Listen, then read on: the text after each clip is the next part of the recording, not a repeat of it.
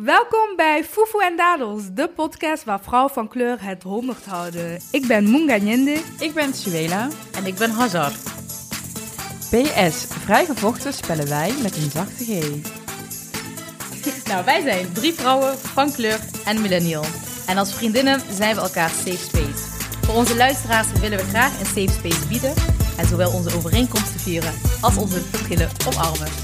Hoi, Suela hier. Bij Fufu en Dadels zullen wij het hebben over imperfecties en zelfliefde. Over politiek en kleur bekennen. Kortom, over alles wat ons bezighoudt. En over zusterschap. Altijd zusterschap.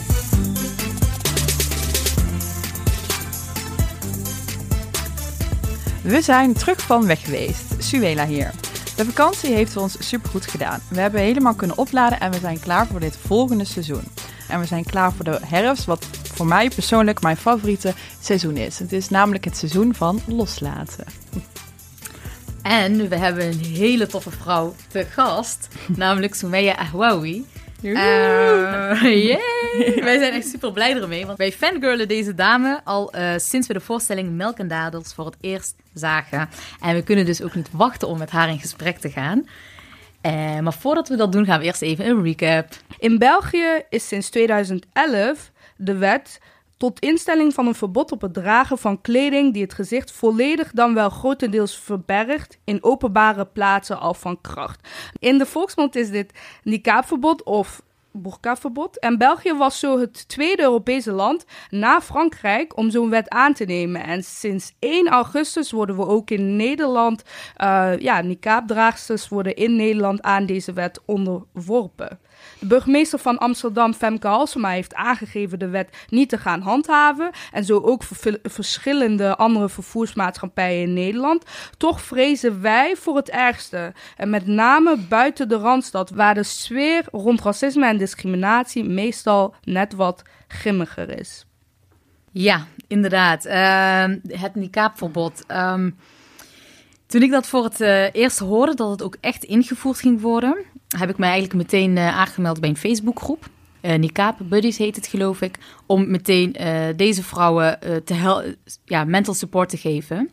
Omdat ik het verschrikkelijk vind dat er eigenlijk van bovenaf wordt bepaald wat je niet mag gaan aandoen in het vervolg. Like literally, het gaat om kleding hier. Hmm. Um, daarnaast vind ik het een hele enge stap ja, binnen het hele symboolpolitiek gebeuren omdat uh, het, directe, het, is direct het criminaliseren van een uh, groep mensen. En deze groep mensen die niqab dragen zijn aanhangers van de islam. Dus het is meteen uh, richting de moslims een uh, statement van sommige onderdelen binnen jullie geloof, of hoe je jullie geloof interpreteren, is strafbaar. Um, en dat vind ik een heel eng begin voor wat er allemaal nog meer strafbaar kan worden. Want het beste argument is meestal: het is strafbaar, want een niqab hoort niet in het uh, in het beeld binnen het straatbeeld van Nederland.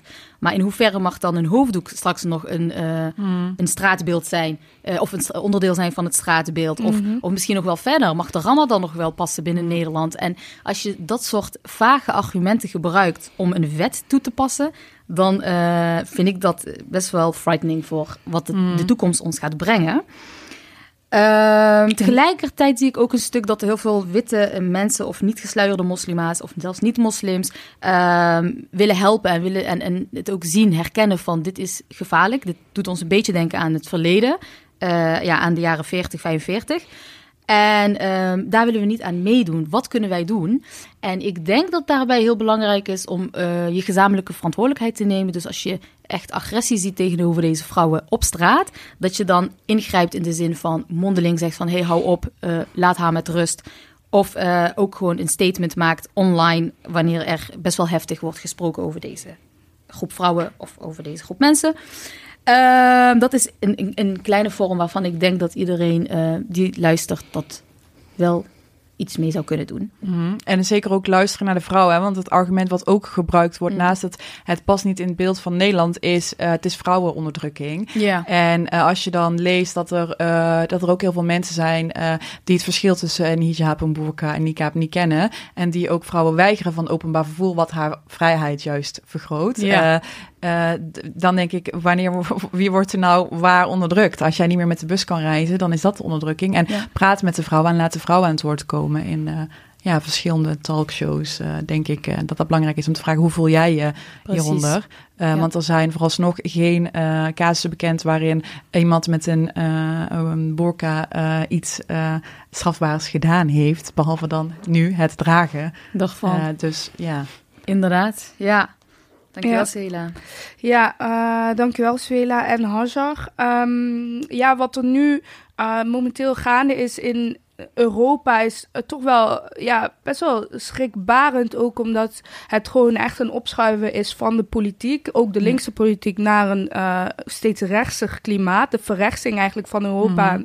is aan de hand. En in de politicologie noemen we dat ook wel de overtone window. En de overtone window is zeg maar, je moet het zien als een soort van um, raampje dat open staat. En um, dat zeg maar bepaalt uh, hoe ver um, de politiek kan gaan. En mm, hoe ver ja. het algemene discours wat we accepteren als uh, algemeen genormaliseerd kan gaan. En hoe verder dat raampje open staat, hoe meer de dingen die we eerst zagen als god, dat kunnen we eigenlijk helemaal niet maken, worden mm. eigenlijk steeds meer genormaliseerd tot op een punt dat mensen inderdaad geloven van, nou ja, dit is het wel is iets heel anders ja. dan, een, uh, dan een hoofddoek. Ja. Maar misschien denken we over vijf jaar uh, hetzelfde over de hoofddoek. Ja, maar dus ook dat, dat wat je ziet is dat het linkse part linkse partijen. Ik maak even tussen haakjes, uh, dat zien jullie niet, even aanhalingstekens bedoel ik. ja. uh, maar de meiden hier in de studio wel, uh, daar dus mee, in, mee instemmen. Mm, ja, en, dat en soort dingen krijg je dan. Ja, dus. dat is echt dus een typisch voorbeeld daarvan. En ja, dat het uit de hand kan lopen met dergelijke normaliseringen van islamofobie via wetgeving, ja. werd twee jaar geleden al duidelijk, pijnlijk duidelijk in Frankrijk, toen een bedekte Franse moslima op het strand van Nice werd gedwongen zich uit te kleden door twee wethandhavers. Mm -hmm. um, en ik denk dat ieder, voor iedereen dat beeld nog op, ja, ja. op best wel in onze geheugen gegrift staat. En dat is eigenlijk wel uh, best wel ironisch. We gaan het straks nog uitgebreid hebben over Frankrijk. Mm. Maar het land dat uh, bekend staat als uh, ja, de ideologische, de, de bedenker van de verlichting en de ideologische ja. waarde van vrijheid, die beschermt eigenlijk niet um, de vrijheid, de keuzevrijheid mm. voor alle vrouwen. En dus ook de keuzevrijheid voor uh, moslima-vrouwen. Ja. En um, dat zij daarin eigenlijk de eerste stap hebben gezet. En dat Nederland nu uh, uh, ook is gevolgd in, in dit Europese klimaat tot verrechtsing is wel ons heel erg opgevallen. En dan nog een, wil ik nog heel even iets aan toevoegen. Want inderdaad, dit is iets wat uh, in de media terecht is gekomen. Maar ik krijg heel veel. Uh, ik zit ook in de groepsapp van de Speakbeweging en uh, in, in verschillende Facebookgroepen. En ik krijg echt heel veel berichten van vrouwen die al in Nederland of zijn gearresteerd door burgers die vinden dat ze niet met een burka op een station moeten lopen, of die echt uh, ook fysiek zijn aangevallen, daar waar ze voorheen sowieso al heel moeilijk hadden. Want boer, vrouwen die een kaap dragen, hebben altijd al te maken gehad met verbale, ja, met, met, mond, ja, met echt beledigingen en... Um, en bedreigingen, maar dan altijd mondeling. En nu is dat ook fysiek geworden. Dus mm die berichten krijgen we niet in de media, maar die zijn er wel. Mm. En daar moeten we ook met z'n allen wel heel erg alert op zijn mm. van willen we die kant op gaan. Ja, belangrijk. En zo met mensen omgaan in Nederland. Ja, nou, dankjewel voor de toevoegingen. Yes, maar um, dan terug naar onze zomerbeleving. Want mm -hmm. uh, we zijn dus uiteindelijk uh, vanwege logistieke omstandigheden niet naar uh, Bosnië geweest. Maar waar we wel zijn geweest is Parijs. Ja, Paris, Paris. Um, ja, we zijn uh, naar Parijs geweest. Ik had zoiets van, hmm, Parijs, mainstream. ik heb geen zin in een Eiffeltoren. Ik vind het een, de meest overrated city van de wereld. Ja. Stad van de liefde, hoezo? Uh, ik ken genoeg andere steden die heel mooi zijn. Uh, ik vind Amsterdam zelfs mooi, ja, leuke.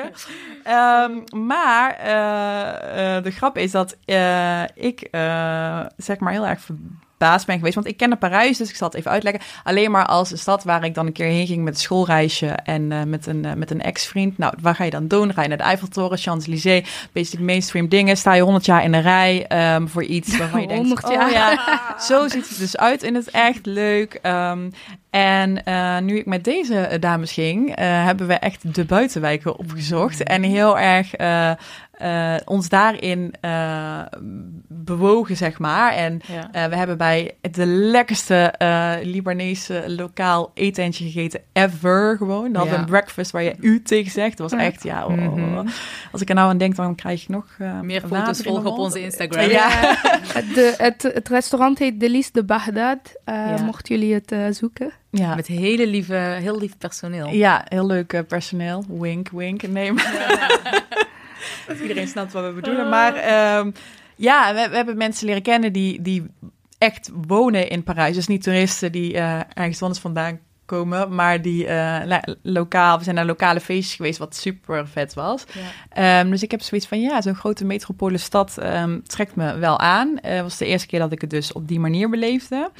Ehm, wat wel zichtbaar was voor mij ook al, was het grote contrast tussen armoede en rijkdom. Eh, we hebben het er wel eens over gehad, waar jullie ook aangaven, ja, dat zie je wel vaker. Of ja, jij ook, Mongayende in Brussel. ehm, En ook wanneer je in Parijs komt. Voor mij was het echt nog wel dat ik dacht van, oh ja, dit is wel anders dan, eh, dan hoe het in Nederland is.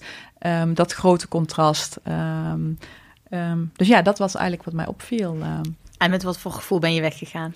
Ben met het gevoel weggegaan van, oh, dit is een, de stad is zo dichtbij, waarom ga ik hier niet vaker naartoe? Dus eh, inshallah ga ik, er, ga ik er vaker naartoe.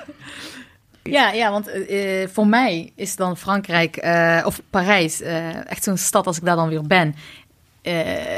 ergens toch wel een stukje van thuiskomen of zo, omdat er een hele grote groep Marokkanen, Algerijn, Tunesiërs leven en dat het echt zo ook heel erg verbroederd is met elkaar. Eh, dus het voelt als een stukje Marokko of zo in Europa. Ehm, heb jij dat, herken jij dat, eh Soumeya? Ik, ik, eh, ik ehm, snap het wel, zeg maar, maar ik heb dat juist, juist niet bij Frankrijk, heel gek genoeg. Ja. Ik, ik heb het meer bij Spanje dan. Ja. dan daar, daar, daar denk ik van, oh, vooral bij het Andalusië-gebergte, Ja. dan denk ik, ja, ik ben in Marokko Ja. bijna, Ja. zeg maar. Je ruikt het ook al. Ja. En, ja, op een of andere manier, ik weet niet wat het is. Eh, als, als, als kind ben ik daar wel vaker geweest, met, met mijn ouders ook. En Naar Spanje Parijs. bedoel je dan, Nee, Parijs, Parijs? in Frankrijk. Maar op een of andere manier ben ik daar gewoon verder, heb ik daar nooit meer iets mee gedaan. Ja. Nee. Maar misschien moet jij ook gewoon een keer Ja, met ons mij mee. Zelf alles mee, ja. Een stukje van de buitenwijk. Ja, Ja. volgens mij moet ik ook gewoon het weer een kans geven. Want Ja. ik, ik, ik heb er nu ook een beetje zo'n soort van afstand genomen over Frankrijk. Daar Mm. ga ik gewoon niet zo vaak heen. Ja. En Herkenbaar. over Spanje heel kort, want ik ben ook echt Andalusia gek. Dus Ja. dan ben ik benieuwd, heb je het, het idee dat daar ook een deel van jouw roots liggen? Of is het meer echt eh, de, Ja, zou ook nog de kunnen, ambiance die je daar heel eh, ja, fijn vindt? nou sowieso de sfeer en de warmte. Eh, ik hou heel erg van de zon en eh, dat, dat, dat is daar ook. Maar ik weet, ja, ja het, het, is, het is een deel... Ja, het lijkt gewoon ook op Marokko. Maar dan is het wat Europeeser. Ja. En dat is natuurlijk niet voor niks, hè, want het is ook voormalig alle Andalusia. Ja. Ja, ja, en de moskeeën die je daar hebt, dat is ook... Ja, dat is prachtig om te zien. Dat is dan een soort een... Ja, dat zijn dan de act- attracties in, eh, in eh, Spanje. Maar dat is... Super Ja, dat is heel Marokkaans eigenlijk. Heel Ja. Arabisch. Mhm. En wat is jouw favoriete plek van Andalus? Ja, ik ben afgelopen... Afgelopen jaar ga ik ook, ben ik naar Sevilla geweest. Ja. En Malaga en Valencia. Ik, ga een beetje echt... Ik ga telkens terug naar Spanje, merk ik nu ineens. dat is eigenlijk heel erg. Ik heb het Leuk. van plaats, in plaats van eh, Marokko. Maar eh, ja, het, is- het is allemaal wel mooi hoor. Malaga Ja. hou ik ook wel echt van. Ja, ja. ja ik, ik, ik heb dus met Andalus, toen ik eh, Granada voor het eerst binnenkwam, toen dacht ik van, this is home. Ja, fantastisch. Ja. Heel bizar. Ja. Ja. Ik voel een nieuwe trip opkomen. Ja. Ja, ik denk het. Heerlijk. Ja. Ja, wij hebben in de studio Soumaya Ahwawi, ehm, een 32-jarige actrice. Je bent in 2012 afgestudeerd aan de toneelschool van Amsterdam. En sindsdien schittert ze eigenlijk al in diverse voorstellingen, waaronder Mogadishu van de Utrechtse Spelen en Onderste Bodem. En ze is onlangs, ja, toegevoegd aan het acteursgezelschap van het Nationaal Theater. Ja, heel Gefeliciteerd. Ja, dankjewel. Gefeliciteerd ermee, ja. Ehm, wij leerden jou heel kort... eh, ja, wij, ik leerde jou eigenlijk persoonlijk voor het eerst kennen eh, bij het eh, theaterstuk Melk en Dadels. En daar voel je voor mij al meteen op als een natural. talent. Ehm, Ja, nou, ja, had ik hetzelfde. Eh, wij waren meteen echt fan. Ja, sowieso natuurlijk van theaterstuk hebben we vaker ook Ja. eh, eh, toegelicht, uitgelicht. Maar inderdaad, ja, dat natuurlijke talent gewoon, ja, dat zie je gewoon. En dat is gewoon heel prettig om naar te kijken en heel interessant en inspirerend voor ons. Ehm, Nou, dankjewel. ja, lief. Ja, wat, eh, we lazen onlangs een interview van jou in het eh, Parool. Ehm, en daarin ehm, gaf je ook aan eh, van, dat je een vernederlandste Marokkaan zou zijn, zo gezegd. Omdat je eh, opgroeide in een redelijk witte omgeving. En ik persoonlijk herken dat wel. Ehm, hoe was dat voor jou? Wat, wat hoorde jij dan vaak als je... Nou ja, als kind, ik heb op een hele witte basisschool gezeten. Echt gewoon, gewoon als enige Marokkaan Ah. loop je daar dan rond. En je- als kind besef, besef je dat helemaal niet eigenlijk. Ja. Eh, eh, en op de middelbare school, eh, toen, toen ben ik VWO gaan doen. En dan ben je eigenlijk ook de enige in mijn klas toen de tijd. Want in welke Ja. stad zat je? In Utrecht ben ik opgegroeid. Oké. Ja, dus daar... eh, dat is Ja, wel en- bijzonder. In de witte buurt dan wel? ja, in, denken- ja, in witte vrouwen. Dus dat is Oh, wel een redelijk... ehm, Oh, Ja. witte- Letterlijk witte vrouw. Ja, De naam zegt het Ja. al, dames en heren. Geen het uitleg voor nodig. Ja. Dus daar... ja, want je kan natuurlijk ook in Knaaleiland of Overvecht opgegroeid Ja, zijn. Dan heb je, dan heb je minder eh, witte omgeving. Ja, Lombok. maar eh, dus als kind besef je dat eigenlijk helemaal niet. En denk je van, oh, dit, dit, dit is het gewoon. Mm. En thuis krijg je dan wel eh, de Marokkaanse tradities en een hele cultuur mee en zo. Maar, maar op een gegeven moment, ja, pas, pas later krijg je door van, hé, hey, eh, ja, je, je bent niet een vol Nederlander natuurlijk, eh Mhm. 100%. Je hebt ook nog een andere cultuur eh, bij je. Ben ben je daar wel eens mee geconfronteerd, zeg maar, tijdens je basisschool of middelbare schooltijd? Eh, niet heel, heel concreet hoor. Hm. Niet heel concreet, maar, maar wel gewoon ge- gebruiken. Eh, je merkt verschillen natuurlijk. Thuis doen wij dat net iets anders dan eh Ja, een je Nederlands eh, gezin. vertelt over het avondeten bij een... eh, Ja, ja, ja, dat, ja, dat, is- dat is gewoon heel grappig. Wat Ja. vertel je dan? Wat vertel je dan? Nou Voor ja. de luisteraars. Ja. Nou, ik, ik speel. Ik was wel echt een kind die, die heel vaak eh, buiten speelde en, eh, en bij eh, vriendjes en vriendinnetjes. En eh, daar had ik dan ook wel eens. En eh, nou, dat, dat kwam dan eh, eens voor dat ze dan een broodavond hadden. Maar ja, wij- Marokkanen kennen dat gewoon niet. Een broodavond. Gewoon het avondeten is altijd een warme maaltijd.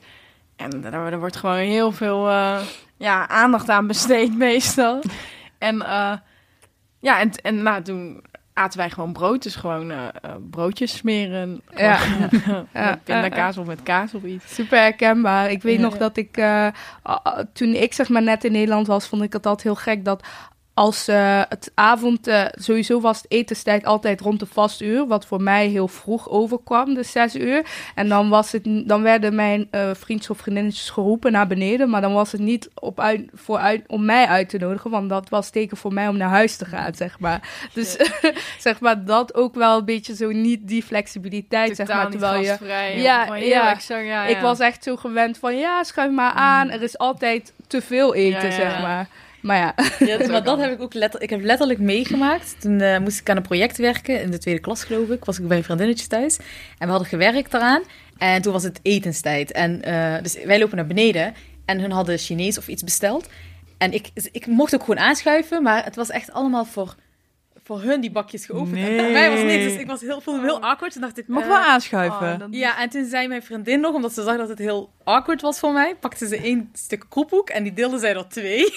nee. En toen zei ze, dit is voor jou. En ik, Oh, ik schaamde mij gewoon, dus ik pakte dat Oh my god. En ik zo, Ja. vinden jullie het erg als ik daar ga zitten, zeg maar bij de banken? Want ik vond het raar om naar hen te kijken, Ja, het was het ja. waren. Je ging niet naar huis. Ja, ik moest opgehaald Oh, worden, ja. want het was, eh, zeg maar, het was Oh. in best. No. En dat- dus ik, ik had al gebeld van, kun je me ophalen? Dat was een half uur later. Toen waren ze al klaar. Oh, ja. ja. Oh. ik herken het een beetje.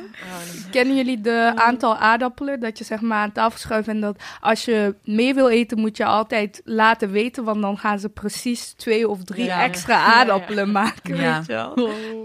Wat jij, eh, wat ook wel herkenbaar is, denk ik ook wel voor ons, ehm, dat jij ook aangeeft van, ik zou dan een heel erg vernederlandste Marokkaan zijn, ehm, omdat je de dingen doet die je doet, eh, neem ik aan. Eh, wat is hier eh, problematisch aan, denk jij? Nou ja, om dat zo, zo te stellen, zeg maar. Je bent een vernederlandste Marokkaan. Omdat ik bijvoorbeeld niet met een accent spreek. Ik Mhm. spreek gewoon ABN Nederland gewoon goed Ja. Nederlands. Ik, eh, je hoort niet aan mij waar ik vandaan kom, laat ik het zo zeggen. En omdat ik alle gebruiken... Ik ben hier natuurlijk geboren in Nederland. Ja. Dus het is niet gek dat ik, Nee. eh, dat ik goed Nederlands spreek. En het is ook niet gek dat ik, dat ik hier ook leef zoals ik leef. Maar dan om dat, dat dan zo te benoemen dat ik dan anders zou zijn... Ja, dat vind ik, dat vind ik vreemd. Want dan, want dan zet je... Ja, dan schrijf je me eigenlijk weg. Want dan zeg je, jij bent anders. Mhm. Mhm. En, dus, en ja. door wie voel je dan dat je wordt weggezet? Is het dan door de, bijvoorbeeld de Nederlandse eh, me- ook bijvoorbeeld nu media of door de Marokkaanse kant? Eh, nou, allereerst door, ehm, ja, door allebei eigenlijk. nou, door allebei. Ja. Want eh, dan zou ik dus niet eh, genoeg Marokkaan zijn en dan zou ik dus ook niet genoeg Nederlander eh, Ja, zijn. precies, maar dat, ja. dat, is dan, dat is dan heel lastig. Want waarom zou het niet kunnen dat je het allemaal bent? Dat jij ook Precies, zegt van, ja. hè, die Gucci Marokkaan, daar gaan we dadelijk wel verder over praten. Daar ben ik ook. En Ja. ik ben, ja, Ik Dat ben hebben we meer net- dan... Wat is een Gucci Marokkaan? pop- poppetje. wat is een Gucci Marokkaan? Gucci Marokkaan, ja, een Gucci Marokkaan die heeft gewoon een, eh, een Gucci tasje om en een Gucci petje op. En, en Zijn- eh, als het even kan ook nog wat Prada schoenen of eh, Balenciaga's aan. Ja, alles merk. Ja. Ja, voor eh, het maken van Melk en Dadels reisden jullie af naar eh, Marrakesh en deelden jullie verhalen met elkaar. Hoe was dat Yes. voor jou? Ja, dat was fantastisch. Want ik, ik ga natuurlijk altijd, ehm, of meestal in mijn hele leven, met naar familie in Marokko. En ik kom daar heel veel. En, ehm, en nu was het voor het eerst voor, ehm, ja, voor werk eigenlijk. eh, om een voorstelling te maken over, ehm, ja, over onszelf eigenlijk. En over, eh, ja, in Marokko is natuurlijk een groot onderdeel. En eh Marrakesh is een fantastische stad. En eh, we zaten in een prachtige riad. Dus daar begon het al. Het was een soort van paradijselijk ding toen we daar aankwamen. Maar toen hebben we natuurlijk ook heel hard gewerkt. Want we hebben heel veel verhalen gedeeld met elkaar. We, hebben echt diepte-interviews met elkaar ehm, gehouden. En hebben heel veel gepraat. En ja, eigenlijk heel veel gepraat en gepraat. over- Was dat, was dat nieuw voor jou om, met, om eigenlijk met andere Marokkanen eh, zo, zo persoonlijke verhalen te delen? Ja, zeker. Dat had ik nog niet eerder gedaan. Ik had ook nog nooit eigenlijk echt een voorstelling over, me, over mezelf, over mijn Marokkaans zijn eh, gemaakt of iets als dat. Dus dit was echt de eerste keer.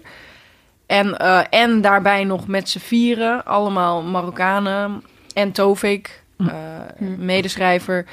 Je hebt hetzelfde soort van ding, want je bent in, we zijn allemaal in Nederland geboren, maar hebben Marokko als, als soort van ja, moederland, vaderland.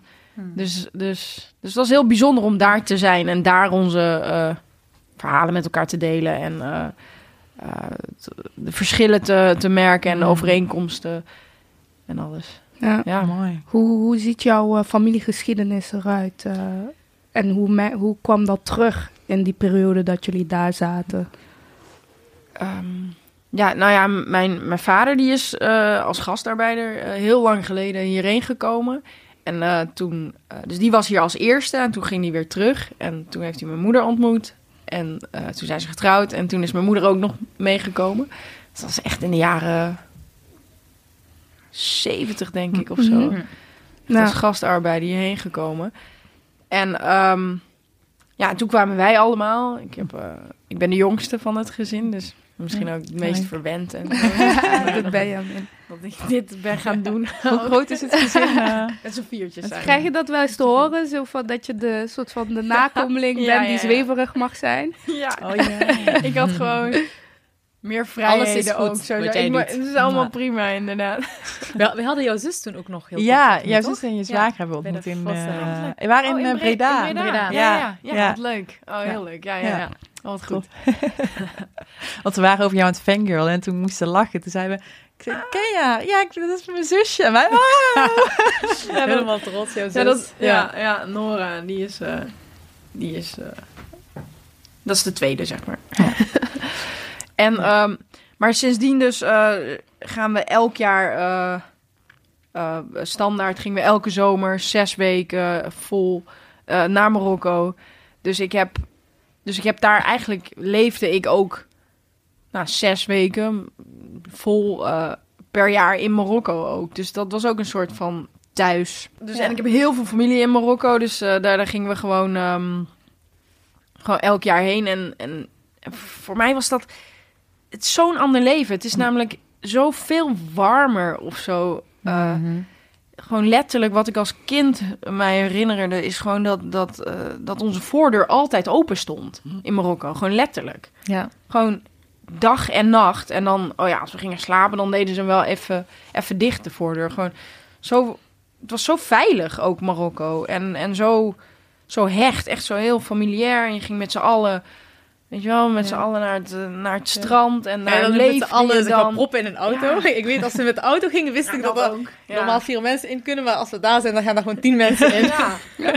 maar het is zo, het is zo hecht. Dus Ja. dat heb ik als kind zeg maar altijd meegekregen. Zoveel liefde in Marokko. Ja.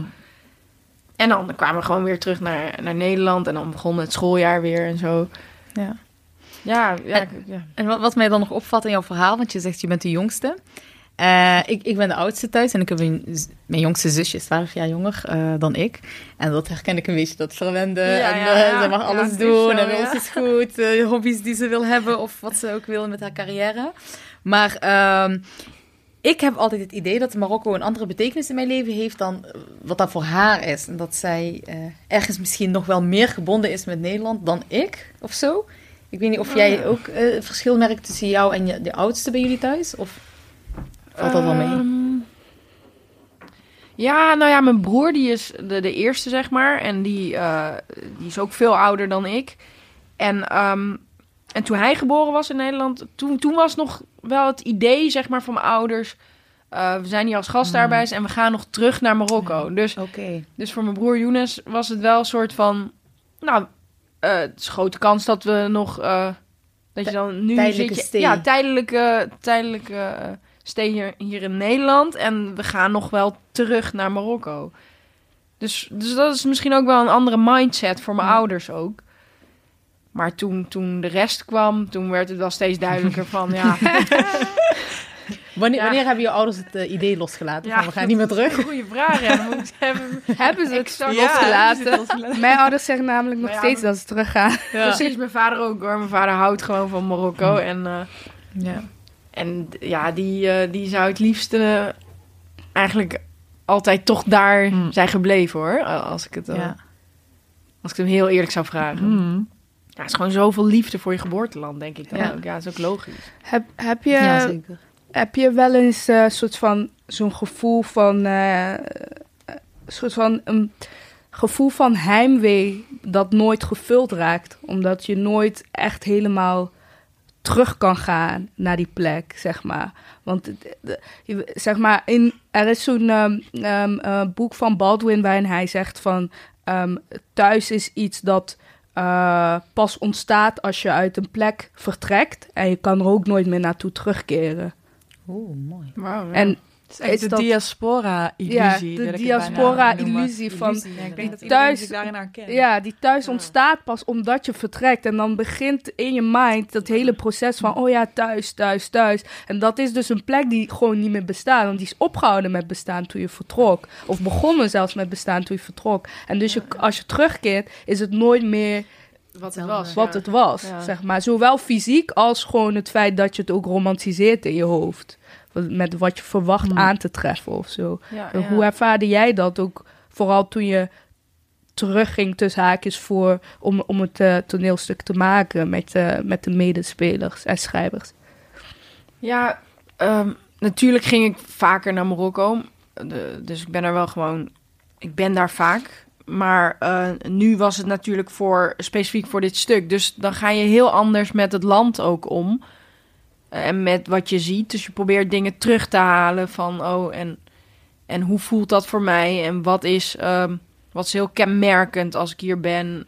En waarom ben ik nu ook, zeg maar... Als ik daar rondloop, dan ziet iedereen aan mij dat ik uit Europa kom. Mm. Dat, dat zien ze gewoon. Dus, dus daar ben ik ook niet ja, 100% Mhm. thuis. Dus daar zie- ziet men gewoon...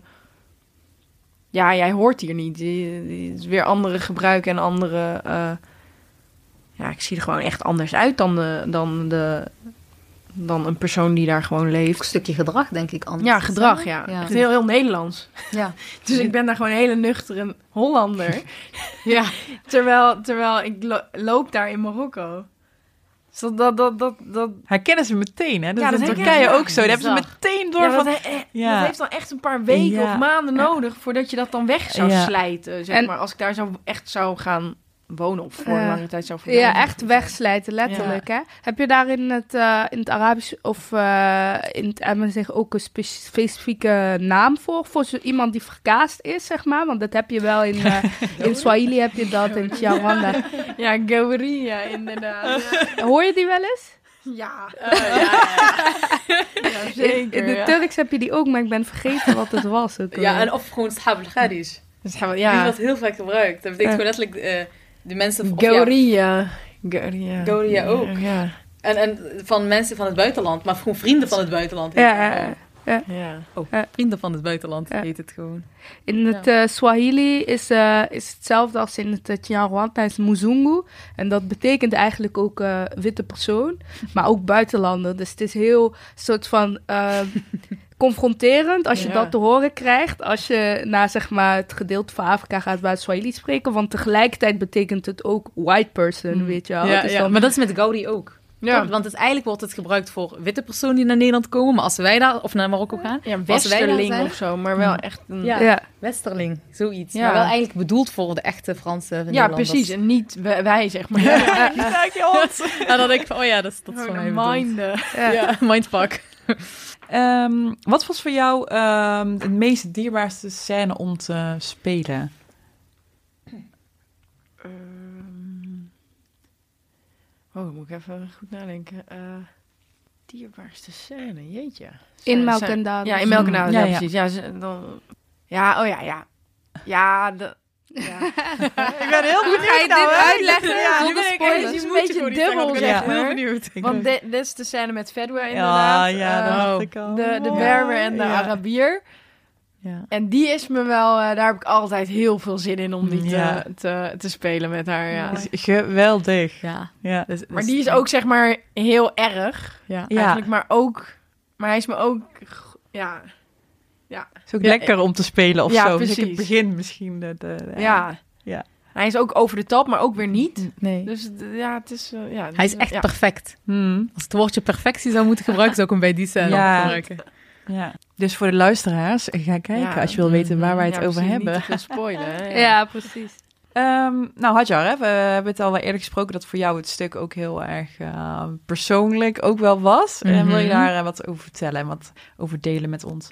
Ja, ja ik vind ehm, de hele voorstelling eh, dat het echt op alle vlakken. Dus toen je zei van ik kan niet kiezen tussen dierbaarste scène, ik kan ook echt niet kiezen welke onderdeel ik van, het, eh, van de voorstelling het mooiste vond. Het eerste thema eigenlijk waar ik het over wil hebben is ehm, de kwestie eigenlijk wat we ook in, in, in de media horen heel vaak over de dubbele nationaliteit of identiteit misschien wel. En ehm, in de voorstelling eh, vind ik namelijk heel bijzonder de manier waarop jullie woorden geven aan wat heel veel jongeren voelen met een dubbele een nationaliteit, oftewel met een biculturele achtergrond. Eh, daar geven jullie echt woorden aan. En ehm, ehm, het, is, het is heel actueel. eh, het is een heel actueel onderwerp. Ben je Marokkaans of ben je Nederlands? Ik vind het altijd heel moeilijk om, om daar meteen een antwoord op te geven, want je bent ze allebei. Het is, identiteit is ook zoveel meer dan te zeggen van ik ben, ik, ik, mijn ouders komen daar vandaan, ik ben hier geboren, dus ik ben dit. Daar kan je eigenlijk heel moeilijk over kiezen. En wat je dan ziet in de actualiteiten vaak, is eh, vooral bij profvoetballers met een Marokkaanse achtergrond, als ze dan voor een nationaal elftal moeten gaan kiezen, dan doen heel veel kiezen dan voor Marokko. Eh, de Nederlandse media vinden dat, zijn dan helemaal verbaasd daarover. Van, hè, maar ze hebben hier bij een goede club gespeeld en we hebben ze opgeleid tot profvoetballers. En heel veel jongeren op straat denken van, ja, dat zou ik ook zo gedaan hebben. En ehm, ik, wat ik dan heel bijzonder vind, wat jullie in jullie stuk doen, is precies het gevoel van die jongeren die verhouding tussen Nederland en, Maro- of, eh, Nederland en Marokko heel goed weergeven. Want je kan niet het is niet zo als jij voor het Marokkaans voetbalelftal kiest dat je meteen niks met Nederland hebt. Maar het is Ja, gewoon ja. ehm, het, het, het is moeder en vaderland, zeggen jullie dan. Ik wil echt niet spoilen, daarom vind ik het heel moeilijk. mag wel, hoor, Praat ik heel ja. vaag erover. Mag best. Leg uit, wat, wat is moeder en wat Ja. is vaderland? Ja, dus in jullie stuk gaan jullie het hebben over op een gegeven moment van Marokko is mijn moeder en Nederlands is als mijn vader. En eh, dat vond ik zo mooi, want het zijn allebei je ouders en je kan niet tussen je ouders kiezen. Ja. Maar als je moet kiezen in een scheiding van bij wie ga ik wonen, dan ja, ik, de meeste mensen kiezen natuurlijk voor hun moeder. En het is niet dat je niet van je vader houdt, maar ja, het is Ja. toch wel wat meer warmte en wat meer eh, eh, ja, liefde misschien. Ja, hoeft niet per se, maar gewoon eh, je, je kan toch wel meer jezelf zijn. Je hoeft niet per se te presteren. Er zijn niet echt. Misschien heeft het te maken met bepaalde the- thema's die spelen, waarvoor je dan eh, een soort van keuze of overweging zou maken. Omdat jullie inderdaad vertellen van, de, wat ik aan Marokko heb is inderdaad warmte, letterlijk, de zon, eh, Ja. en warmte aan mensen. Ja. eh, en Nederland is weer fijn door de structuur Ja. en Ja. Hoe, hoe zit dat voor jou? eh? ja. Ja, nou ja, wat, wat, je, wat je eigenlijk eh, eh, zegt, inderdaad. Wat, wat ik, ja, me, zeg maar als kind speelde ik zoveel ook in Marokko. En Ja. ik voelde me daar zo thuis. Dus dat, dat zit gewoon, ja, dat zit gewoon in mij. Ja. Daar, daar, dat, dat, dat is gewoon een gevoel. En, en soms als je, ja, als ik een voetballer zou zijn en ik zou moeten kiezen, ja, ik, ik weet echt niet wat ik zou eh, kiezen hoor, maar ik kan me voorstellen dat je dan voor je gevoel gaat. Hm. En dan snap ik het heel goed dat, je, dat je lekker voor Marokko gaat spelen. Ja, maar het betekent ook niet dat je Nederland haat of zo. Nee, Want dat heel niet. vaak in de media Het kan gewoon samen gaan ook, Het is ja. gewoon allebei. Dus En- misschien dat wat je zegt, dat Ja. de gevoelskwestie, Ja. dat is zo belangrijk voor je, je passie, hè? Want dus dan, Ja. Ja. je passie komt tot het uiting en dat je dan, omdat het dat onderwerp is daarvoor. het is echt een ehm, stukje nostalgie ook, hè? Ja, Ik bedoel, mijn, mijn eh, opa en oma van mijn vaderskant woonden in Marokko. Dus als wij daar naartoe gingen, had ik hun liefde die ik hier in Nederland niet fysiek had, had ik daar. Dus ik kan Ja. ook Marokko nooit afscheiden van mijn jeugd. Ja, en precies. van ja. eh, ja. dat deel, eh, als ik zou zeggen, Marokko betekent niks voor mij, dan zou het betekenen dat de eerste 15 jaar van mijn leven, leven eh, die zes weken per jaar niks voor mij zouden betekenen. Dat, Ja. is, dat is niet zo. Ah, en, en het vormt je ook. Je eer, die eerste 15 jaar, dat is... Ja, je wordt toch... ja, wie ik nu ben, heb ik te danken aan mijn jeugd. Ja, dat kan ik niet eh, lostrekken van elkaar. Nee. Als je moet eh, beschrijven welke van de twee is dan je moederland en welke is je Hmm. vaderland? Ja. oh, wat erg. Ja. Of is eentje Ja. gewoon een stiefzus of zo? Stiefvader. Ja, het is toch, ja, toch echt mijn moederland. mm. eh, Marokko, ja. En, en, want waarom hebben jullie die scène eigenlijk erin gezet? Is dat heel natuurlijk gegaan? Of was het al bij voorhand van, dit thema moeten we erin hebben? Nee, dat is eigenlijk heel, eh, heel eh, ja, dy- dynamisch gaat dat best wel. Want je hebt heel veel materiaal. We, we hebben zoveel geschreven en ja, we zouden eigenlijk bewijzen van wat we allemaal weggegooid hebben. Een Melk en Nadels 2 eh, Nou, doe. eh, Oh, doen. Ja, graag. Zeker doen. Zeker doen. Maar in de zin van, je gooit zoveel scènes weg. Ja. En eh, dus, dus wat Melk en Nadels is geworden, is gewoon de selectie van ehm, wat we belangrijk vonden. Ja. En, en ja, dat, dat, daar hoort die eindscène bij. Ja, dat, dat gaat dan heel... Zeker. eh, Wat gebeurde er op die eerste schooldag nadat je zes weken op een heel andere plek was geweest in je moederland? Wat, wat gebeurde er met je als kind in je hoofd als je dan op die eerste schooldag kwam? ja, dat is even een schakel hoor. Zo, dat is eigenlijk echt niet goed voor het kind. voor je als kind. Laat het gewoon heel snel leren schakelen. Want je hebt zes weken lang non-stop eh, Arabisch gesproken. Totaal andere cultuur. Je bent, je bent net aangekomen in het land. de, na- de nacht ervoor. weet je. Het was En- ook Ja, echt van de nacht Ja, zo ervoor. gaat het gewoon. Zo gaat dat gewoon. En maandagochtend zit je gewoon eh, vrolijk en wel eh, lekker in je In de kring? Hollandse klasje. Ja. En wat de vertelde kring, je ja. dan? Wat Wat vertelde heb je jij dan in de kring? deze vakantie? Ja. Maar ja. Ja, dat vertelde je dat je in Marokko bent geweest. Ja. Nee, dat is wel een schakel inderdaad. Maar als kind kan je dat gewoon hebben. En is dat eigenlijk ook fantastisch. ja. Dat, dat je gewoon eh, eerst zes weken totaal andere wereld, in een andere wereld zat. En dan nu weer eh, in een andere wereld in, eh, in gewoon in, in Nederland. En wat deed je, had je specifieke dingen die je deed om te aarden? Als kind? Had je rituelen, onbewuste rituelen misschien? Nee, eigenlijk niet. Je gaat gewoon mee met, met de flow of zo. Ja?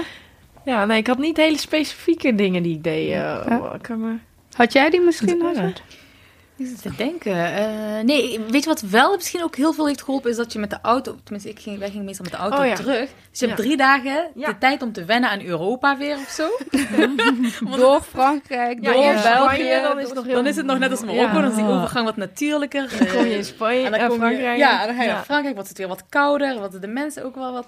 Ja, dan En als je in België bent, dan voel je al van, oh ja, we're van, back, oh ja, ja, we're we're back. back. We zijn ja. dadelijk weer op die grond die Ja. zo duk, duk, duk, meteen heel... Ja. eh, Ja, en stiekem was je de volgende ochtend, of nou ja, die maandag was je dan ook heel blij dat je weer brood mocht eten. Ja. Zeg maar Nederlands Ja. brood met, met pindakaas. Of, Mhm. Daar werd je Ja, ook gewoon heel vrolijk van. eigenlijk. Pindakaas en ik echt gemist. miste ik Oh. al Ja, op man. een gegeven moment. Ja, mist in Marokko. Mhm. Ja. Oh. En is in die periode voor jou, want dan ben ik ook wel benieuwd naar jou, jouw eh, liefde voor het acteren, de kunst. Is daar, hoe is dat ontstaan eigenlijk in je? Het is misschien wel een heel andere... Ja, dus, Ja. ja. Maar ik weet niet of dat met daar iets mee te maken had misschien. Of eh, gewoon, hoe is dat Eh, ontstaan bij jou? Ja, dat is een goede vraag. Ja, ja dat is er altijd al geweest. eh, op de basisschool eh, heel veel eh, ja, toneelstukjes maken en eh, heel veel dingen playbacken en zo. Dus daar is het al een beetje begonnen. Maar op de middelbare school merkte ik dat ik steeds meer wilde doen. Als hobby, zeg maar, gewoon bij toneelclubjes. Maar ik weet echt niet waar dat vandaan komt. Want ik heb ook heel veel gesport, zeg maar, als kind. Toen eh, heb ik altijd op karate gezeten en ook echt Oh, fulltime. leuk. Dus, eh, maar toen op de middelbare school kwam het toneel een beetje erbij. En ik weet echt niet waar het precies vandaan komt. Maar ik merkte dat het steeds meer werd. En dat ik er echt gewoon geen afstand meer van kon doen. Dus toen moest ik echt van mijn hobby. Ja, Die werk maken, ik vind altijd mooi. Wanneer je er niet meer eh, omheen kan, ja nee, dan weet je dat het je niet. passie is. Ja, Ja. Dat mooi. is wel mooi. Ja. ja. Heel mooi. Ja, en, en dan hadden we nog een tweede thema, wat, mij, eh, wat ik heel geweldig vond. Eh, en wat ook gewoon meteen mijn leven eigenlijk beschrijft. En dat is het thema, of dat is dat eh, onderdeel waarin, er, waarin jij en Fedwa een, een scène spelen. De een als Berber, ja, de een is ook een Berber, en de andere Arab- Arabische Marokkaan. En voor mij is dat heel bijzonder, omdat dat altijd mij, ja, die twee werelden komen bij mij in het gezin ook samen. Mijn vader is Arabisch en mijn moeder is Berbers, Berbers Rifijns, zeg maar. En eh, misschien een hele korte geschiedenisles voor onze luisteraars. Wil jij dat doen? Ja, oh. Zal Die ik het doen? Ja, ja. Die geef jij mij. Eh, ja, want, want het is een heel typisch eh, iets ook voor Marokkanen in Nederland, heb ik altijd het idee. Omdat hier de grootste groep is Berbers, ja, Rif. En, en, en ja, dan word je heel snel geconfronteerd met waar kom je vanuit Marokko en met een andere taal dan. En voor mij is het zo van... of ja, Je geschiedenislesje het dus. typisch is dat, dat onderwerp? Ja, eh, dat onderwerp is heel typisch, denk ik, voor Nederland. En eh, voor de Marokkanen in Nederland. Ehm, en eh, ja, dan waar dat een beetje van ontst- is ontstaan, is denk ik omdat ehm, toen onze grootouders of ouders naar Nederland kwamen in de jaren 60, 70, hebben ze een Marokko achtergelaten die er nu wel heel anders uitziet. Maar achtergelaten waarin de Rifgebergte eh gedeelte heel erg is geïsoleerd geweest door de, de toenmalige koning. Ehm, eh, en dat, dat heeft een beetje te maken met, omdat daarvoor eh, waren de, was een groot deel van Marokko een Franse, ehm, eh, onder het Franse kolonisatiebeleid. En de- het noorden van Marokko eigenlijk door de Spanjaarden bezet. Ehm, en ergens in die tijd is de Marokkaanse familie, eh, koningsfamilie, eh, koningshuis, eh, gekaapt door de Fransen in, en in gevangen genomen eigenlijk in Madagaskar. waardoor Marokko eigenlijk geen koning en ook geen leger had. En toen hebben de Rifijnen eigenlijk het gebied, wat nu de Rif is, hebben ze vrijgevochten. Ze hebben zich vrijgevochten onder leiding van Abdelkrim al-Khattabi. En waardoor ze ook een, een eigen republiek hebben gehad. En toen kwam de koning weer terug en dacht van, oh ja, dit land hoort bij mij, dus eh, eh, ja, de Rif is gewoon hoort onderdeel van Marokko. En daarin heb je verschillende versies. Dat de ene groep die zegt van, ja, eh, wij hebben het zelf eh, vrijgemaakt, dus het is van ons. En de andere groep zegt van, nou ja, het hoort gewoon bij de rest van Marokko. Oh, en jullie willen je niet zomaar overgeven aan mij, dus dan zorg ik ervoor dat jullie in isolement ko- terechtkomen. Dus toen de gastarbeiders hier naartoe kwamen, of eigenlijk tot wat ik van Christelle heb geleerd, tot gastarbeider gemaakte mensen. Tot gastgemaakte arbeider. Tot gastgemaakte arbeider. Vind ik een hele interessante. Uh, hier naartoe zijn gekomen, toen uh, was het een, een, een, achtergesteld gebied ten opzichte van de rest van Marokko. En uh, hebben eigenlijk de, de meeste Marokkanen in Nederland, België toch wel helpen opbouwen aan de wederopbouw van dat gebied. Want er was gewoon geen infrastructuur. Er werd niet geïnvesteerd in infrastructuur, universiteiten, ziekenhuizen, et cetera. Dat zie je ook een beetje terug in die hele Hirak-beweging die er nu is. Uh, dat komt ook een beetje daar vandaan. Maar in de tussentijd zijn er natuurlijk heel veel vooroordelen en heel veel ideeën over en weer uh, over elkaar. En in die scène uh, spelen jullie dat heel goed weer. Nou, ik ging voor de eerste keer naar de basisschool. Toen ging mijn vader, maar ik was vier jaar, hè, mijn vader haalde mij op. En het eerste woordje wat ik had geleerd was 1, 2, 3, zer. Dat is gewoon rennen in het Berbers. Mm. Dus dan is, wat is dit? en toen, want ik had wel uh, heel veel Marokkanen in mijn klas. Okay. En wat dacht je vader? Hij vond het grappig, want hij zegt nog steeds het eerste woordje wat jij uh, van de basisschool had geleerd, was gewoon is er. En, dat was, en want thuis praten wij Arabisch. En mijn familie van mijn moederskant kan ook heel veel Arabisch. Dus ik heb ergens die verschillen niet zo heel snel gemerkt, totdat ik ouder werd en merkte van, oh, uh, op, soms positief, soms negatief. Van, oh, kom je uit Casablanca? Oh, oh, dat is wel... Ja, dat zijn dan wel... En dan die vooroordelen die jullie in die scène ook heel goed weergeven. Van, oh, dat zijn echt... Uh, ja, arrogant. Arrogant. Of oh, dat zijn echt slechte mensen. Ja, of, ja. van adel, toch? Uh, ja, en aan de andere kant van mijn vaders familie. Ja, wij zijn echt van adel. Ik heb ook zo'n tante die dat dan ook zegt. Wij zijn echt oh, Zorafa en zo. Heel overdreven. Oh, Hoe was dat voor jou, Sumaya? Heb jij daar ook uh, al eerder mee te maken gehad dat je dat gevoel... Of dat je dat daarin, um, hoe moet ik het zeggen? Uh, dat je uh, je bewust was van die andere belevingswereld van, van Berbers? Of, ja, of, of was dat meer doordat je met verder waar erover had? Omdat het is echt jullie verhaal ook. Uh... Ja, nou ja, het, het is dan grappig. in principe, ik, mijn vader is Arabisch en mijn moeder ook. Dus zeg ja. maar, wij, wij komen niet uit het Rifgebergte. Maar um, ja, als kind of gewoon, je staat er niet bij stil. Je, Hm. je denkt gewoon, ja, ik ben gewoon een Marokkaan. Mhm. en, en voor mij maakt het niet uit waar in Marokko, maar je bent gewoon een Marokkaan. Maar um, het wordt wel altijd gezegd of zo. Oh, Ja. ben je Hm. gevraagd ook? Ben je eh eh Rivia of eh Arabia. Arabia? Ja.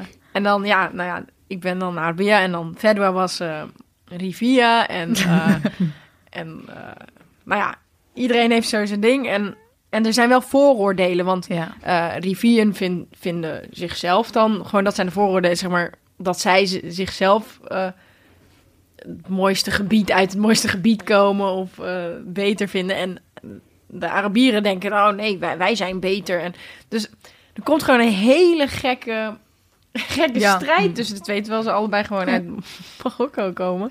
Ja. Maar ja, dat heeft dan echt met die, die Franse bezetting en de Spaanse bezetting Ja, nodig. Dus dat is gewoon...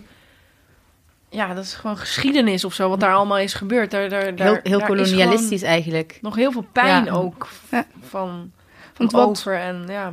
Maar het is wel, eh, het is, jullie spelen het heel mooi. Ook het verzoenings, eh, de verzoenings... Ja. eh, ja. Nou ja, we vonden wel belangrijk. We wisten ook in het begin niet van, oh ja, hoe pa- pakken we dit Hm. complexe eh, eh, onderwerp aan? En toen bedachten we, nou, we gaan het gewoon echt vol erin. ja, dat doen jullie ook. Ja, Ja. en eh, kijken waar we uitkomen. En eh, ja, ik ben heel blij met de scène, zeg maar, die er... eh, ook. En, en ook dat verzoeningsscène, was dat, is dat ook iets, want het komt, als je er naar kijkt, is het super natuurlijk hoe het gaat.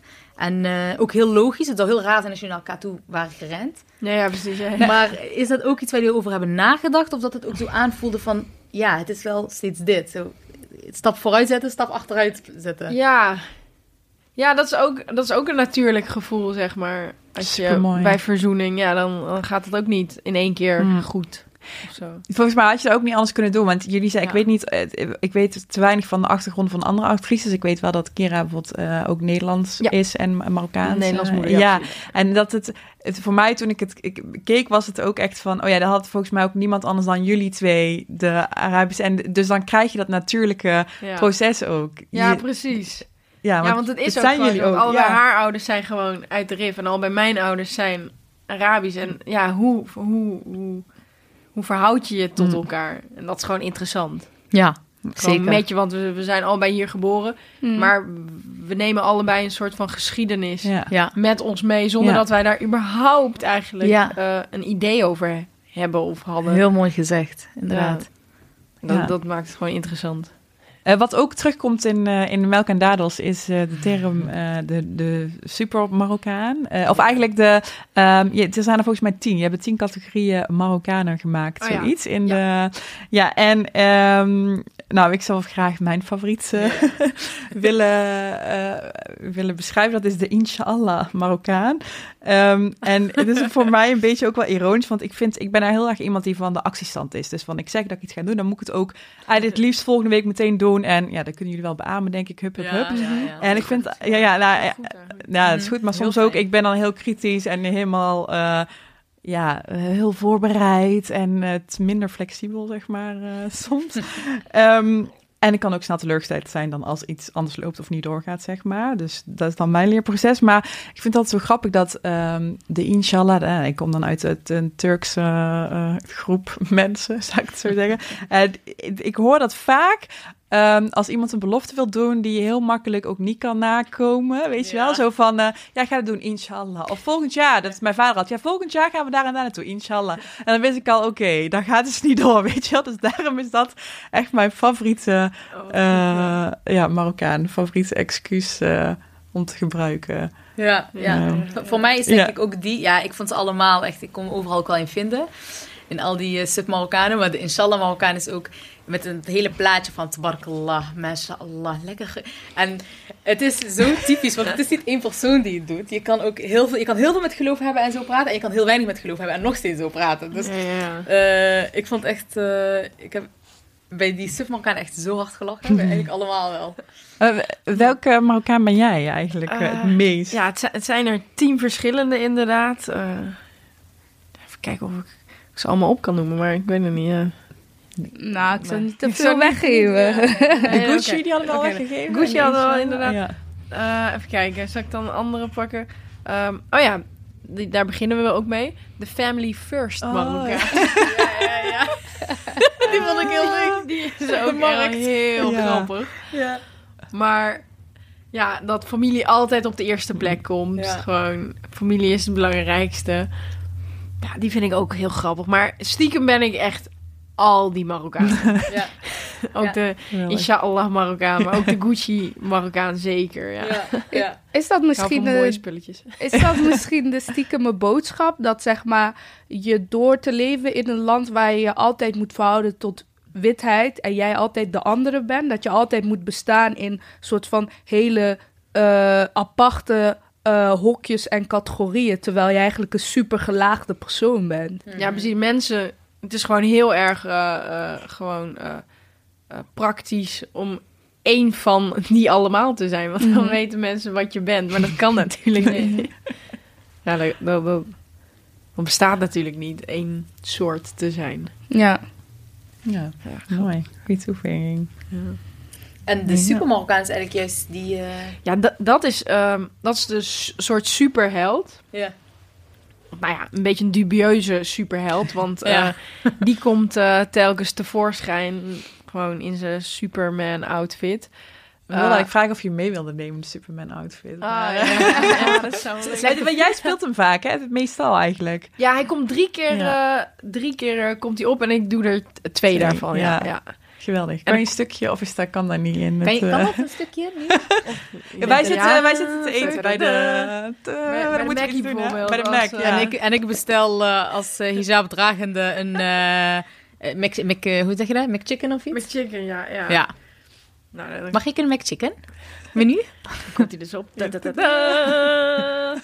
Zusters, Big Mac is niet halal. McNuggets zijn niet halal. Ook kip moet halal geslacht worden. Sorry, super Marokkaan. Nou ja, die komt Ja. dan zo Ja. en die komt je dan de les Ja. leren. Dat is heel typisch. Nou ja, dat is voor iedereen denk ik wel herkenbaar. Ja.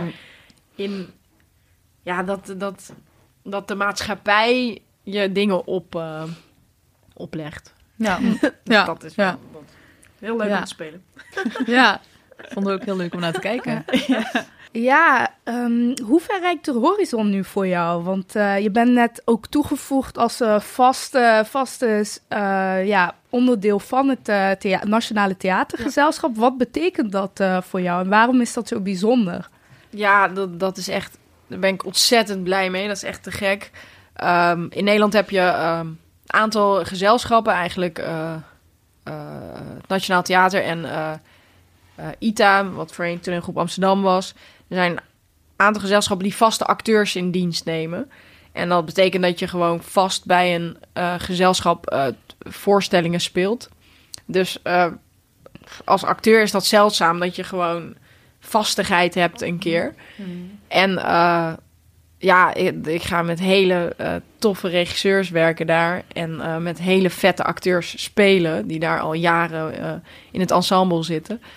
En ik hoop daar heel veel van te leren.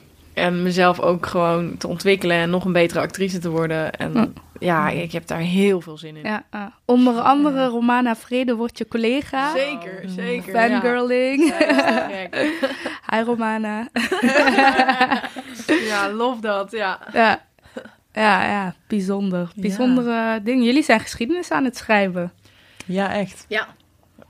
Jullie doen dingen waar, waar al onze generatie, die eigenlijk super jong is, uh, al van dacht van wow, dat is een droom. En jullie zijn die wildste dromen waar aan het maken. Dus, ja, uh, ja, het is ook een, een, grote eer. En het is inderdaad wel een droom, inderdaad. En ja, het is bizar dat ik dat gewoon mag gaan doen. En ja. Ook echt. Heel bijzonder. Rolmodel, denk ik. Ja, heel erg. Jonge ja. meiden. Ja, zeker weten. Ja. Mooi.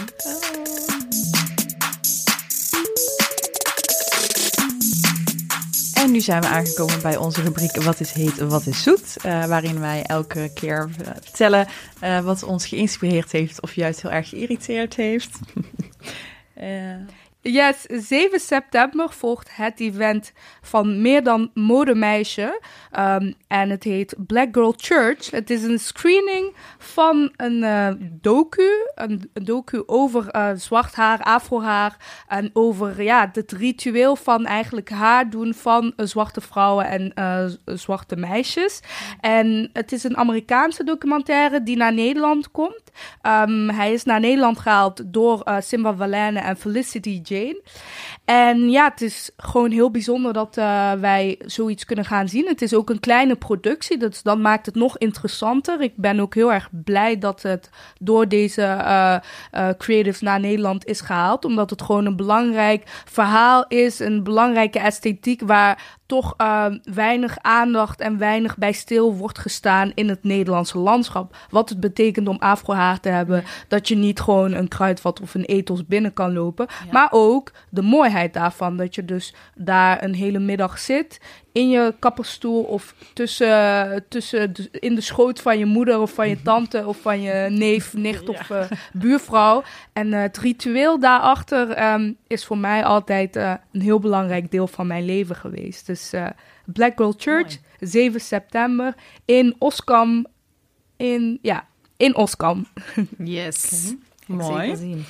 Um, nou, ik, heb een, uh, ik ben er heel erg laat mee een, uh, een serie die op Netflix uh, te zien is, namelijk Pose. Um, het is een, serie die gaat over de Afro-Amerikaanse en de Latino-LHBT-community in Amerika in de jaren 80. Zoals de tijd waarin er nog geen uh, medicijn voor, uh, voor, voor aids uh, ook was. Dus je um, ziet in de serie echt ja, alles voorbij komen. En wat ik heel mooi vind, is dat de serie ook echt door en voor trans mensen gespeeld is. En, um, ja, hij is geregisseerd door Janet Mock, hè? die ook ja. zelf een, een transvrouw is. Ja, ja, dat is ja, een heel belangrijk. Voor mij opent daar, daar ook echt weer uh, een wereld, moet ik zeggen. En ook um, de, de ballrooms die heel belangrijk zijn in het leven. Billy, en de... Billy Porter uh, speelt er ook in. Of ja, volgens Toch? mij uh, echt wel even. En... Fantastische creaties op gala's. Wat ik, wat ik heel vet vond om te zien was dat, we, dat ze het echt dat zij echt elkaars familie zijn ook, zeg maar. En dat zij ja, daarin elkaar opvangen. En dat vond ik echt heel mooi. En die opent je ogen als je het privilege hebt geboren te worden in een lichaam waar je je naar identificeert. Um, dus voor, vanuit ons een must watch op Netflix. Pose, P-O-S-E. Yes. En mijn zoetheid van deze week is ehm, dat ik een hele gave nieuwe baan heb bij een hele gave organisatie. Eh, ik mag namelijk eh, gaan werken als eh, hoofdredacteur beeldvorming en communicatie bij Women Inc. En ja. ja, dat vind ik ook wel echt Gefeliciteerd, Dankjewel. Maar ehm, ja, ik, ga een, functie doen die ik. eh, dus waarin het vooral heel belangrijk is om. eh, om de media, dus eigenlijk een van onze meest invloedrijke instrumenten in ons dagelijks leven, ehm, eh, ja, een beetje te controleren, te adviseren met betrekking tot beeldvorming en, en ook ja, mijn eigen bijdrage te leveren aan een stukje wokeness in, in de mediawereld. En bij Women Inc. is het deze maand, of de maand september, de maand van de beeldvorming. En dan hebben ze ook een podcast. Eh, bestaat uit drie afleveringen. Gaat over de representatie van eh, vrouwen met een, eh, mensen met een eh, trans-achtergrond, of ja, LHBT-community. eh, mensen met een beperking, ja, ik noem dat liever niet zo, maar eigenlijk eh, validisme eigenlijk in de media, hoe dat wordt gerepresent. En ehm, eh, vrouwen in alle formaten. Dus eh, dikke vrouwen, dunne vrouwen in de media. Ehm, dus ik zou zeggen, eh, ja, luister daarnaar. En ik... wellicht dat ik nog wel eens wat meer dingen ga zeggen over projecten. Waar, Waar kunnen, waar kunnen mensen je bereiken als ze toffe ideeën hebben voor Women Inc? Op welk e-mailadres? Ja, op welk e-mailadres? Mijn, eh, mijn naam, Hazar, H-A-J-A-R, at womeninc.nl. Mooi. Ja. Nou. Nice. En wij gaan met onze podcast on tour. Twee data daarvan zijn al bekend. Yes. Ja, eh, wij mogen eh, op 28 september ehm, in eh, nergens minder dan het Tolhuis Amsterdam tijdens eh, het eh podcast festival een live show eh, presenteren. En daar zijn we heel blij mee. Het is onze eerste live show, joe. En we hebben daar eh Tessel ten Zwegen te gast en Aminanta Minte. Mhm. Ehm, dat zijn twee eh, jonge, creatieve eh, vrouwen die eh, zelf ondernemend zijn en iets heel vets hebben opgezet. Ehm, en daar eh, gaan we het gesprek mee aan. Dus hou dat in de gaten, 28 september. Ehm, In Tolhuistuin, Amsterdam. Ja. En op 15 oktober kan je ons eh, ook live komen beluisteren in Antwerpen over de grens. Over onze twee favoriete onderwerpen, feminisme en literatuur. Het programma houden we nog even te goed als verrassing. Wat ik nu in ieder geval kan zeggen is: come smash the patriarchy with us. Yes. en eh, natuurlijk, Melk en Dadels, waar we het net al de hele tijd over hebben gehad, is vanaf 5 september weer terug in het theater. En wij mogen daarvoor kaarten weggeven. Ehm, voor meer informatie hierover eh, wil ik jullie vragen om, in onze, om onze show notes eh, te bekijken. En hou onze social media in de gaten. Want als jij een plekje wil winnen naar dit must-see theaterstuk dit najaar, dan eh, willen we jou daar graag heel blij mee maken. ja. Yes. Wilde afsluiten eigenlijk met de vraag: ehm, heb jij nog een tip voor makers eh, die bezig zijn, net als jou, met het maken van kunst, met het maken van theaterstukken of andere vormen van kunst, en die bang zijn om eh, zichzelf te tonen, om het te hebben over hun eigen verhaal, hun eigen identiteit en hun eigen achtergrond? Wat zou je tegen hun willen zeggen? Eh, ja, doen. Uitroepteken. Ja. Ja, echt. eh, ga het maken. Hmm. Ga, ga, eh, ja, maar ook echt doen, zeg maar. Mhm. Dus je kan, eh, je kan zoveel ideeën hebben en zo, maar ja, het moet, het moet als het er is, dan, dan, dan kunnen mensen het ook zien. En dan, ja, dan wordt het tastbaar of zo. En wat Ja. als je bang bent om te doen? Ja, ja, ja. Wat zijn dan de tips?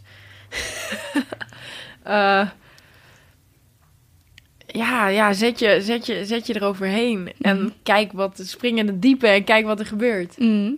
Ja. Ja, Wat heeft jou er doorheen getrokken op momenten dat jij bang was? ja ge- gewoon, ja, precies dit. Gewoon, ja, want ik, ik heb ook heel veel zenuwen voor een voorstelling, Mhm. voor überhaupt voor van alles. En dan is het gewoon, ehm, ja, dat allemaal toelaten, maar dan toch gewoon hop over die drempel en dan, ja, kijken waar je uitkomt. En vaak zijn dat hele mooie dingen. Yes. 5 september Ja. weer terug in de theaters dus. Melk en Dadels. Ga dat zien. En dan volgt nu een eh, kort muzikale intermezzo ter Ja. voorbereiding van de voorstelling. Wat kun je verwachten? Onder andere. Ja, het is ook een grapje natuurlijk. Ja, ja, ja. Maar het is een soort eh, ode aan, ehm, aan alle moeders. Oh, zeg maar, de moederliefde, zeg maar. Ja. Al, de liefde die, die je hebt voor je moeder. En dat je iets terug wil doen. En dan kom je met een... eh Optreden. Van eh, Leonardo DiCaprio. Die Oh andere. ja, mooi. Oké. Oh, daar is hij hoor. Ik moet dat huilen. Het is zo mooi. Het is zo mooi. Het is wel heel mooi hoe jullie op deze scène gaan komen als jij Ja, je je gaat ga je, zingen. bent je ook echt aan het voorbereiden Ja. dan? Als je op die Ik had echt mee... Ik, ik, ik was al best wel... Het raakte me wel. Ja, komt zo. Yes. Every night in my dreams, I see you, I feel you. That is how I know you. Go on. Nog een keer lekker. We moeten meedoen. Ja, je moet echt meezingen. Na, na, na. Between us. You have come to show you. Go on. Komt hier. Yeah. In de voorstelling doe ik hem, doe ik hem net iets anders. Nou, mama's, ik hoop dat jullie blij zijn met deze ode aan jullie.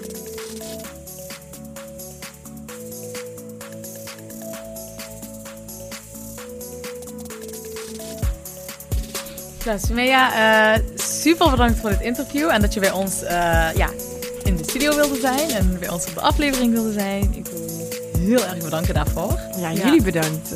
Erg leuk. Ja, echt heel erg bedankt ook voor het delen van alles, jezelf blootgeven. Eh, zowel op het toneel als hier eh, in de studio. En eh, wij zijn super benieuwd naar meer van jou. Vooral Ja. als, eh, als officieel eh, lid van het eh, Nationale Theatergezelschap. Dankjewel. Super. Dankjewel. Melk en Dadels vanaf september weer in de theaters. Bedankt voor het luisteren en eh, wij horen jullie de volgende keer.